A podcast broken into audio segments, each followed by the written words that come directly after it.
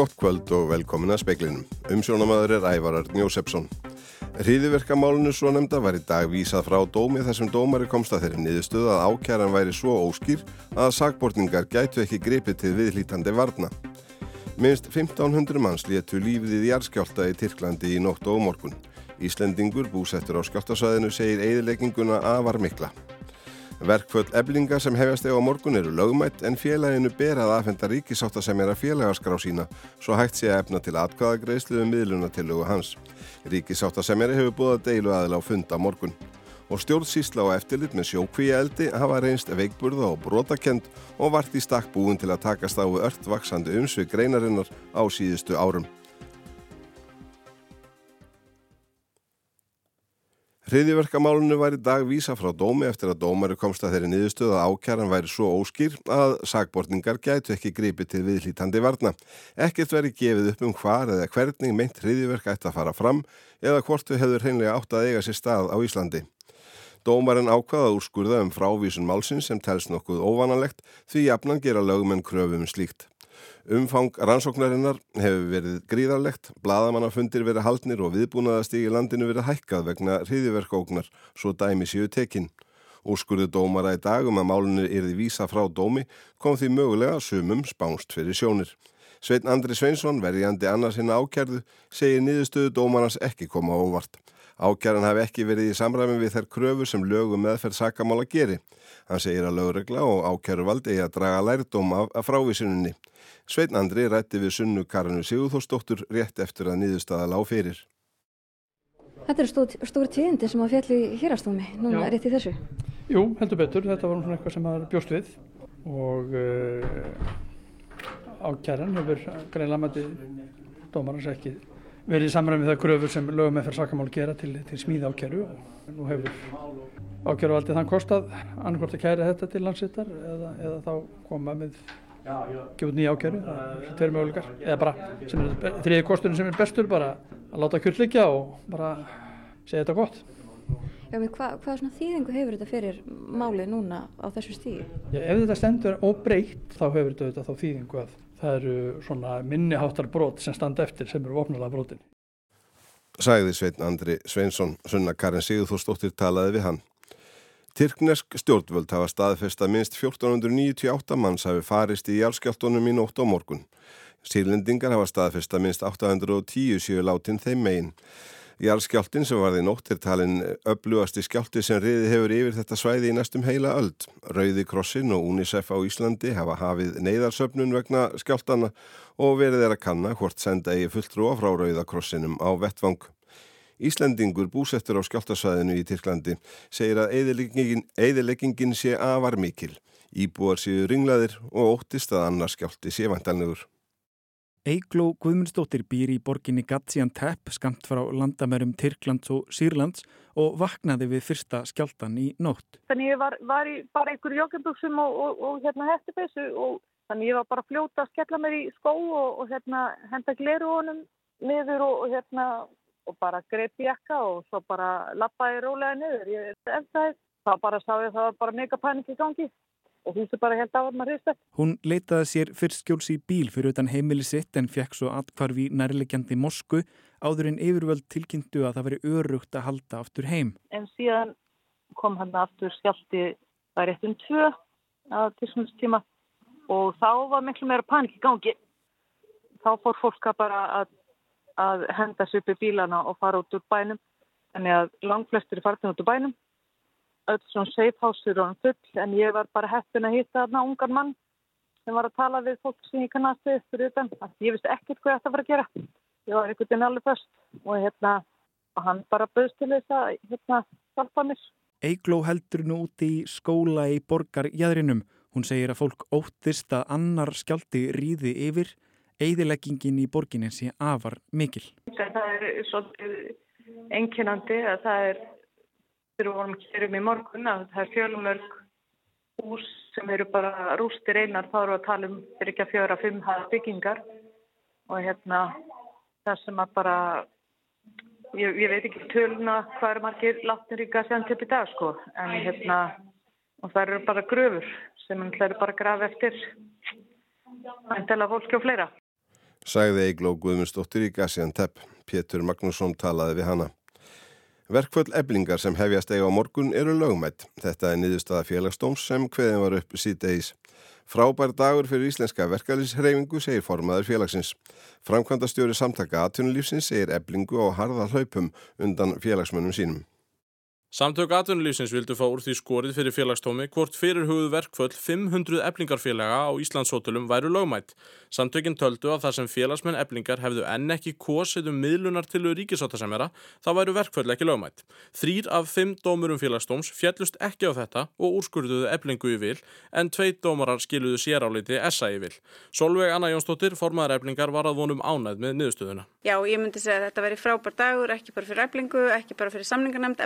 ekki bara fyrir félagsfólk eblingar, heldur fyrir íslenska verkalýsreifingu. Það er óumdeilanlegur réttur verkafólks að leggja niður störf til þess að ná um, betri árangri í kjaradeilum, til þess að vinna framgangi um, sinna áhersla um, með það markmiði að semja um kjarasamning þar sem að fólk fær sangjöldlaugin fyrir unnavinnu. Haldur Benjamin Þorbergsson, framkvæmdastjóri samtaka aðturlýnsins, segir niðurstöðu félagstóms vonbreiði. Hann segir þessa niðurstöðu þó ekki aðalatriðið. Aðalatriðið er eins og er það að fyrir í dag fór fram úrskurður í hérastómi sem er aðalatriðið þessa máls.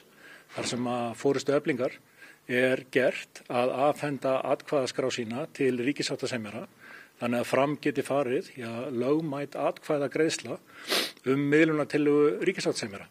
Það er helsti ótti fórustu öflingar, þau eru á harða hlaupum undan einn félagsmönnum og ég auðvitað bind vonir við það að þar til bær yfirvöld muni ná í atkvæðiskrána hratt og öruglega og veita félagsfólki öflingar líðræðislega rétt til þess að taka afstöðu í atkvæðigreyslu til millunatilvögunar. Sæði Haldur Benjamin Þorbergsson, Ottur Þorðarsson sæði frá. Aðastill Leifsson ríkisáttasemjari hefur búið eblingu og samtök atvinnulífsins til samráðsfundar sitt í hvoru lægi á morgun. Honum finnst gott að hafa fengið skýra niðurstöðu bæði í hérastómi og félagstómi í dag. Í fyrsta lagi að þá var dómur hérastóms ákaflega skýr og tók af öll tímanum það að miðlunatillagan er löglega framsett.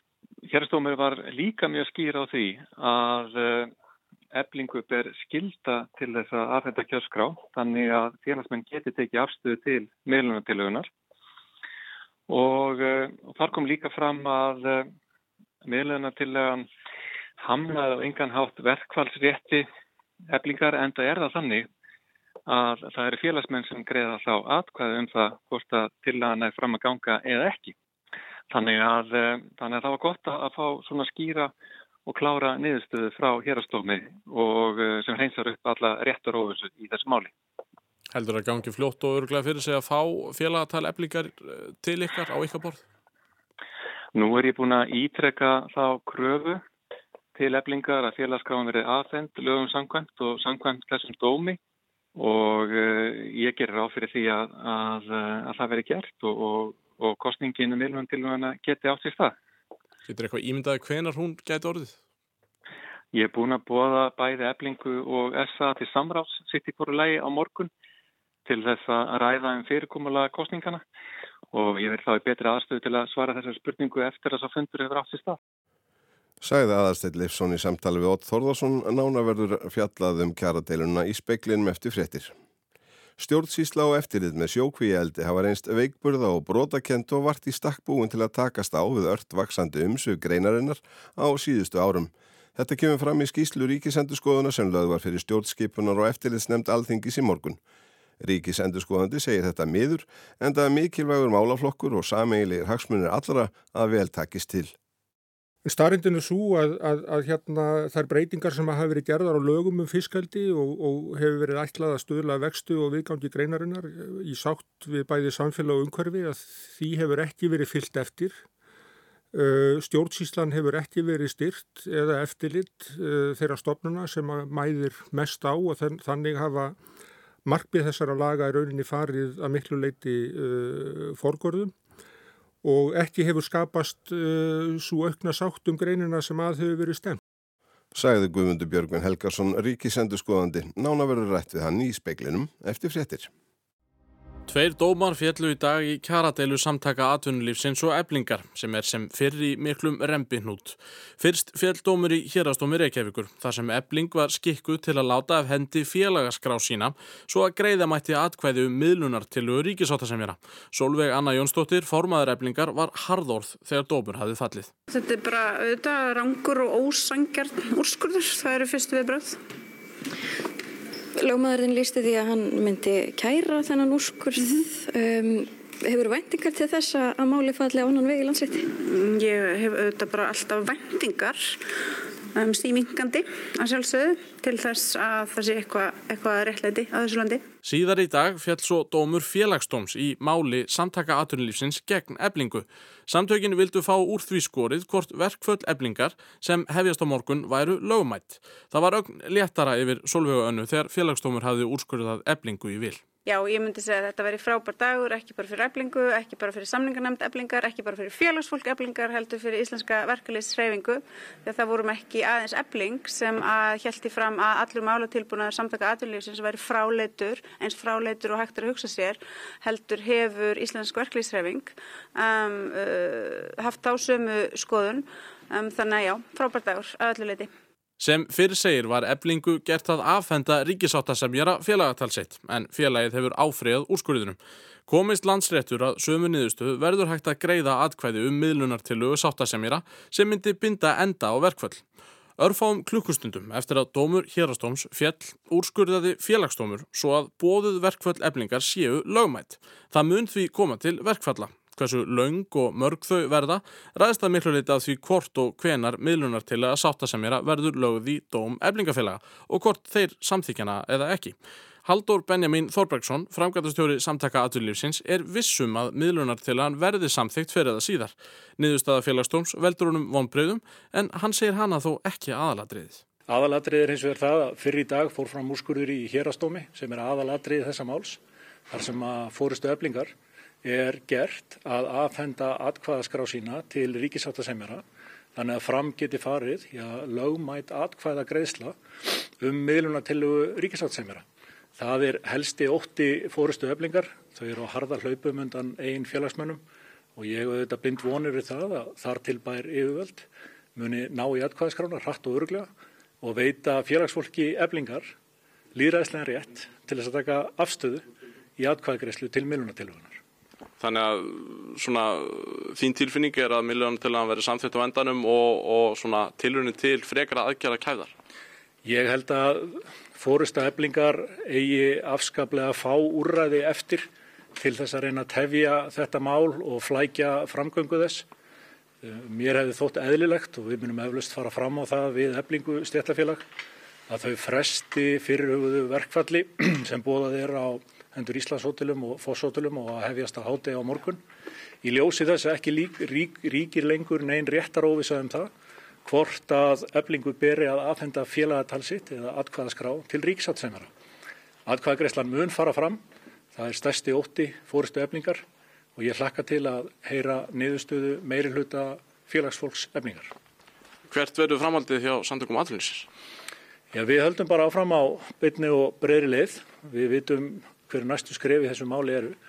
Uh, við myndum auðvitað hvetja okkar aðelda fyrirtæki til þess að taka þátt í atkvæðagreislunni hjá Ríksáttsemara og ég gerir fastlega ráð fyrir því að hún hefist bara á næstu dögum. Þú kallað svona málflutningssamtaka aðlýsins árásir og aðdróttanir, hvað heldur að sé farvatninu þar? Býstu við frekar átökum? Um, það er ekki hægt að um, fara lengra með þetta mál. Um, þessi úrskurður félagsdóms, hann er endanlegur. Ég vonaði þetta að það gerist sem við höfum alltaf viljað um, ég og félaga mínir í samningarnemnd eflingar að um, samtökatunlýsins um, forsvarsmenn um, þeirra hjartfengist svo að við getum gert það sem að við eigum að gera sem er að ná góðum eflingarsamningi fyrir eflingarfólk Það er áðar að heyra að það séu svona fleiri aðgerir í farvatninu. Hvers konar aðgerir eru það? Eitthvað svipaðu höfum núna séð bóðað eða eitthvað alveg nýtt? Já, um, verkvöld eru auðvitað verkvall um, þannig að nei, það er ekki eitthvað alveg nýtt en við höfum dreyið upp uh, plan sem hann er um, áfram inn í framtíðina.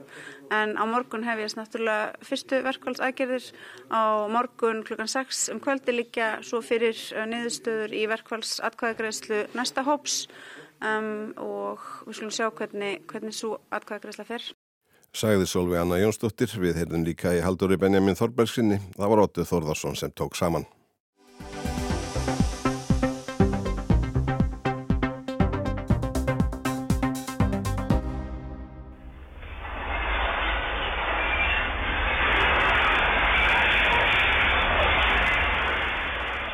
Þannig hljómar jarðskafti upp á 7,8 inn í gjafavöruverslun. Lætin náðust á eftirritsmyndavél í verslun í borginni Gaziantep í Tyrklandi. Skjáltin reyði yfir þegar klukkan var 17 mínútur gengin í 5 í nótt að staðartíma og stóð lengi yfir að sögn heimamanna sem hrukku upp með andfælum þegar hús tóku að hristast. Recep Tayyip Erdogan, fórseti Tyrklands, segir að jarðskjáltin í nótt sé sá öflugast í landinu frá árinu 1939. Að hans sögn hrundu hátt í 3000 byggingar í suðaustur hlutar landsins. Þeirra á meðal er Gaziantep kastalinn, sögulegt mannvirki sem reist var fyrir meira en 2000 árum. En er allt óljóst um manntjón en sífælt fleiri lík hafa fundist eftir því sem liðið hefur á daginn. Þúsundir slösuðust. Upptökin voru liðlega 30 km austur af borginni Gaziantep, höfuðborg samnemns Hjeraðs, næri landamærum Sýrlands og Tyrklands. Hans varð vart í mörg hundruð kílometra fjarlagð frá upptökunum þar á meðal á Kýpur og í Ísrael. Þá kom hann fram á jærskjáltamælum víða um heim þar á meðal hér á landi.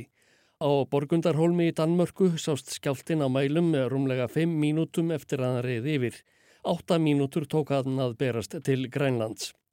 Kristinn Jónsdóttir, hópstjóri náttúruvár á Veðurstofu Íslands var í hádegis frettum Ríkisútvarpsins byðinum að lýsa því sem gekk á í yðrum jarðar í Tyrklandi í nótt. Það sem að gerist þarna er að þetta er mjög laung járskjöldarsprunga sem hrekkur.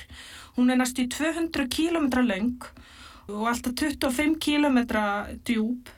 Þetta er grunnu skjálti og það er reynilega tekur rúma mínútu fyrir þessa skjáldarsprungu að hrekva.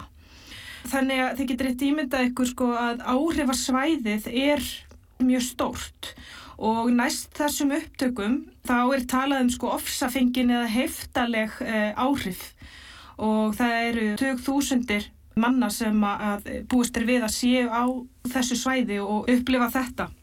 Laust fyrir klukkan hálf tvöðastæðartíma reyðið annar skjálti yfir í suðaustur hluta Tyrklands. Sá var sjö og halvur að stærð. Kristín Jónsdóttir segir að það hafi ekki þurft að koma óvart. Það má auðvitað búast við mikilvæg hérna, eftirskjáltavirkni og við vitum það að, hérna, að þegar það eru skjáltar, þegar verða svona stóri skjáltar að þá náttúrulega eru mjög margir eftirskjáltar, fleiri hundru sko, eftirskjáltar sem, a, sem að finnast og þeir eru ekki síður hættulegir vegna þess að þessi stæstu skjáltar þeir eru rauninni ná að ná ofta að skemma byggingar mjög mikið þannig að það kannski þarf ekkert svo rosalega mikinn hristingi viðbót til þess hennilega að byggingar bara hrinni alveg að fullu. Skjáltarnir ollu eðileggingu og dauða í tíu héruðum í Tyrklandi. Kurdar eru þar fjölmennir og fátæktir mikil að sögn tyrkneskra fjölmiðla. Ilnur Tsevik, ráðgjafi Erdóans fórsetta, segir að Björgunarsveitir hafi þegar í stað haldið á skjáltasvæðið í nótt. Turkey is well experienced in this because it has suffered so many earthquakes. We have all the equipment ready, we have all the resources ready for it. Tyrkir eru vel búnir undir atbyrði að þessu tægi því hér verða svo margir skjáltar, sagði Sevik. Allur búnaður til björgunarstarfa er alltaf til reyðu. Frettamindir frá björgunarstarfum í nótt sína björgunarmenn og jafnvel almenna borgara leitað fólki á lífi í rústum húsa. Margir unnu við að fjarlæga múrsteina með berum höndum til að auðvelda leitina. Ilnur Sevik segir að það í sína eðlilegu skýringu þar sem ekki sé hægt að beita stórvirkum vinnuvélum þegar leitað sé að fólki svo skömmu eftir að skjáltinn reyð yfir. Erdogan Fórseti sagði í fjölmiðlum í dag að 45 ríki hefðu bóðist til að senda björgunarlið á vettvang til að aðstóða við leitað fólki. Aðtegli vekur að hinn stríðshrjáða Úkraina er þar á meðal. Þá hafa hjálparstofnanir einnig bóðist til að veita aðstóð. Fjöldi fólks hefur hverki höfðu sínu að að halla. Aðstæður eru erfiðar á skjáltasvæðinu, hiti rétt yfir frostmarkiða deginum og undir frostmarkiða nóttu. Erfilega hefur gengið að komast til sumra svæða í dag. Vegir eru hálir og flugvellir hafa skemst. Fleiri en Tyrkir fóru ítla út úr skjáltónum í nótt og í morgun. Í nágrannaríkinu Sýrlandi ríkir einnig neyð. Ísmail Al-Abdallah, talsmaður hjálpatsamtakana Kvítu Hjálmana, segði í morgun að ástandið í norðaustur hluta landsins væri hrikalegt. Fjöldi húsa í borgum, bæjum og þorpum í landslutanum hefðu hrunið og ljóst væri að manntjón væri gífurlegt. Hann sagði að sínir menn leituðu að fólki á lífi í húsarústum en verkefnið væri yfir þyrmandi. We need help. We need the international community to do something to help us, to support us.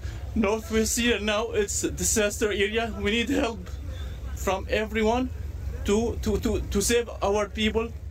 Við þurfum hjálp frá alþjóðasamfélaginu til að styðja við bakið á fólkinu, saði Ísmail Al-Abdallah.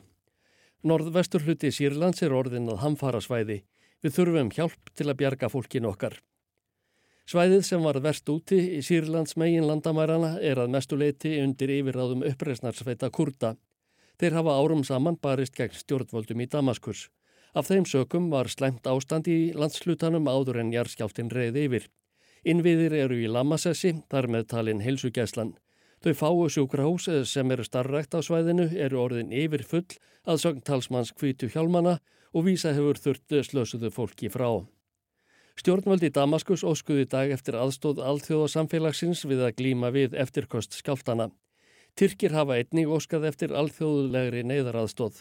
Rauðikross Íslands brást í dag við þörfinni fyrir mannúðaraðstóð í heimslutanum með því að hefja neyðarsöpnun. Hægt er að leggja söpnuninni lið með því að leggja inn á reikning Rauðakrossins og með því að senda SMS-ið hjálp í síma 1900 og styðja þannig söpnunina með 2900 krónum. Einnig er hægt að styrkja söpnunina í gegnum Öyr Skástrík Kass, Rauðikrossin. Áskeið Tómasson tók saman.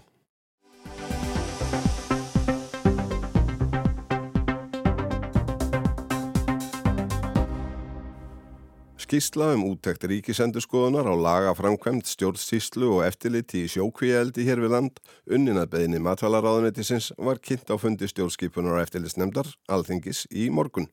Í skíslunni segir að í upplýsingum frá ráðunetinu hafi komið fram að Ímis atriði gildandi fiskeldislauggjafar hafi reynst erfið í framkvæmt og brotalamir komið fram við framkvæmt hennar og ráðunetið óskaði eftir því að ríkisendurskoðandi skoðaði sérstaklega stjórnsíslu þáverandi atvinnuvega og nýsköpunar ráðunetis og undirstofnana þess, matvælastofnunar og hafransoknastofnunar.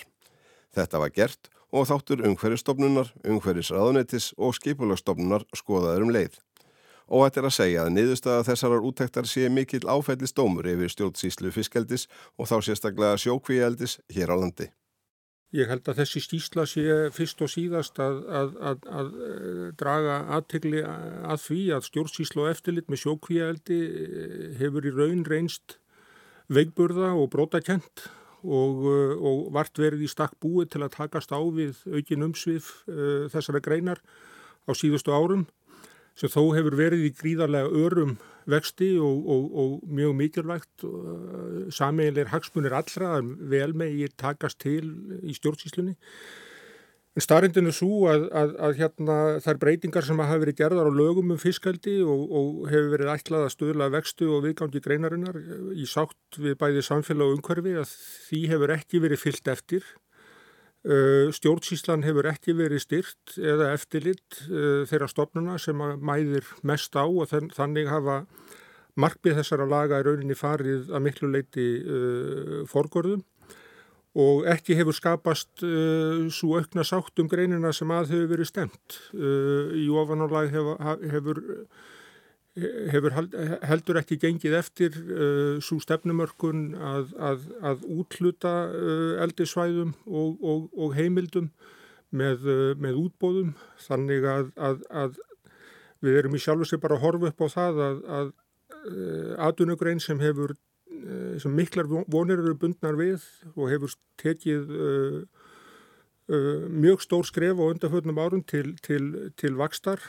um, að uh, stjórnsíslan er bara búin að vera í, í, í, í kaplöpi uh, þar að, að, að elda þróun frekar heldur en að leiðana. Og ekki uh, haft við þróuninni? Og ekki haft við þróuninni. Er þetta kaplup þá bara tapað? Nei, ég held að menn þurfa nú alltaf að vinna bara úr þeirri stöðu sem, sem úr er komin og, og þegar ég kynnti stjórnskipunur og eftirlitsnefnd uh, þessa skýslu í morgun að þá uh, vildi ég nú segja að þetta væri, þessi skýsla væri nú ekki bara kannski uppgjör við, við fortíð sem að sannarlega mætti vera betri og, og, og glæstari heldur, heldur með sínum hætti líka upphafað nýjum tímum segi Guðmundur Björgvin Helgason, ríkisendurskoðandi.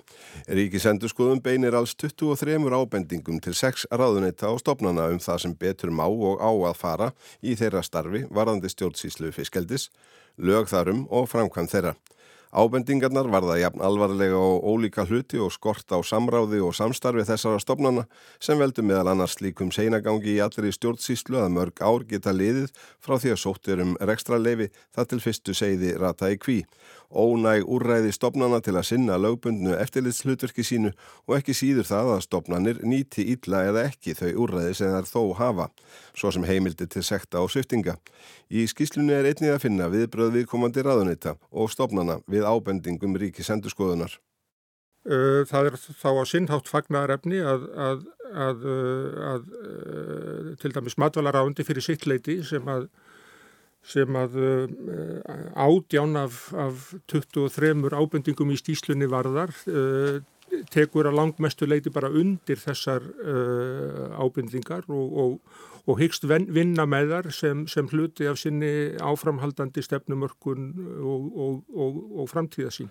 Ég veit að ráðuniti er búið að vera að leggja mikla áherslu á þennan málaflokk núna á síðustu missurum Uh, ráðuniti sannlega byður um að þessi skýsla sé unnin. Ég held að það sé fátt uh, sem að komi ráðunitinu á óvart í þessari skýslu en það má öllum vera ljóst sem að, sem að lesa hana að betur má ef duga skal. Þannig að þetta uh, verður þá að marka í mínum huga skýrt upphaf til betri vekkferðar.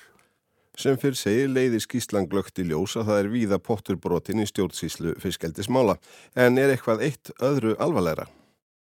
Já, það er nú svo margt, uh, það er nú svo margt í þessu bæði varðandi svo sem stjórnsísluna uh, og, og, og hérna og, og uh, eftirlit með framkvæmt í málafloknum. En það er bara til dæmis að, að að svo, svo ég grípi neyri þessar ábendingar sem við erum að gera að, að, að við teljum að, að matvælarándu þurfa að grípa þá til viðandir ástafana til þess að að hérna uh, eh, svo stefnumörkun að, að afmörkun uh, eldisvæða lúti útbóðum og skapi þar á lendi tekjur fyrir ríkisjóð.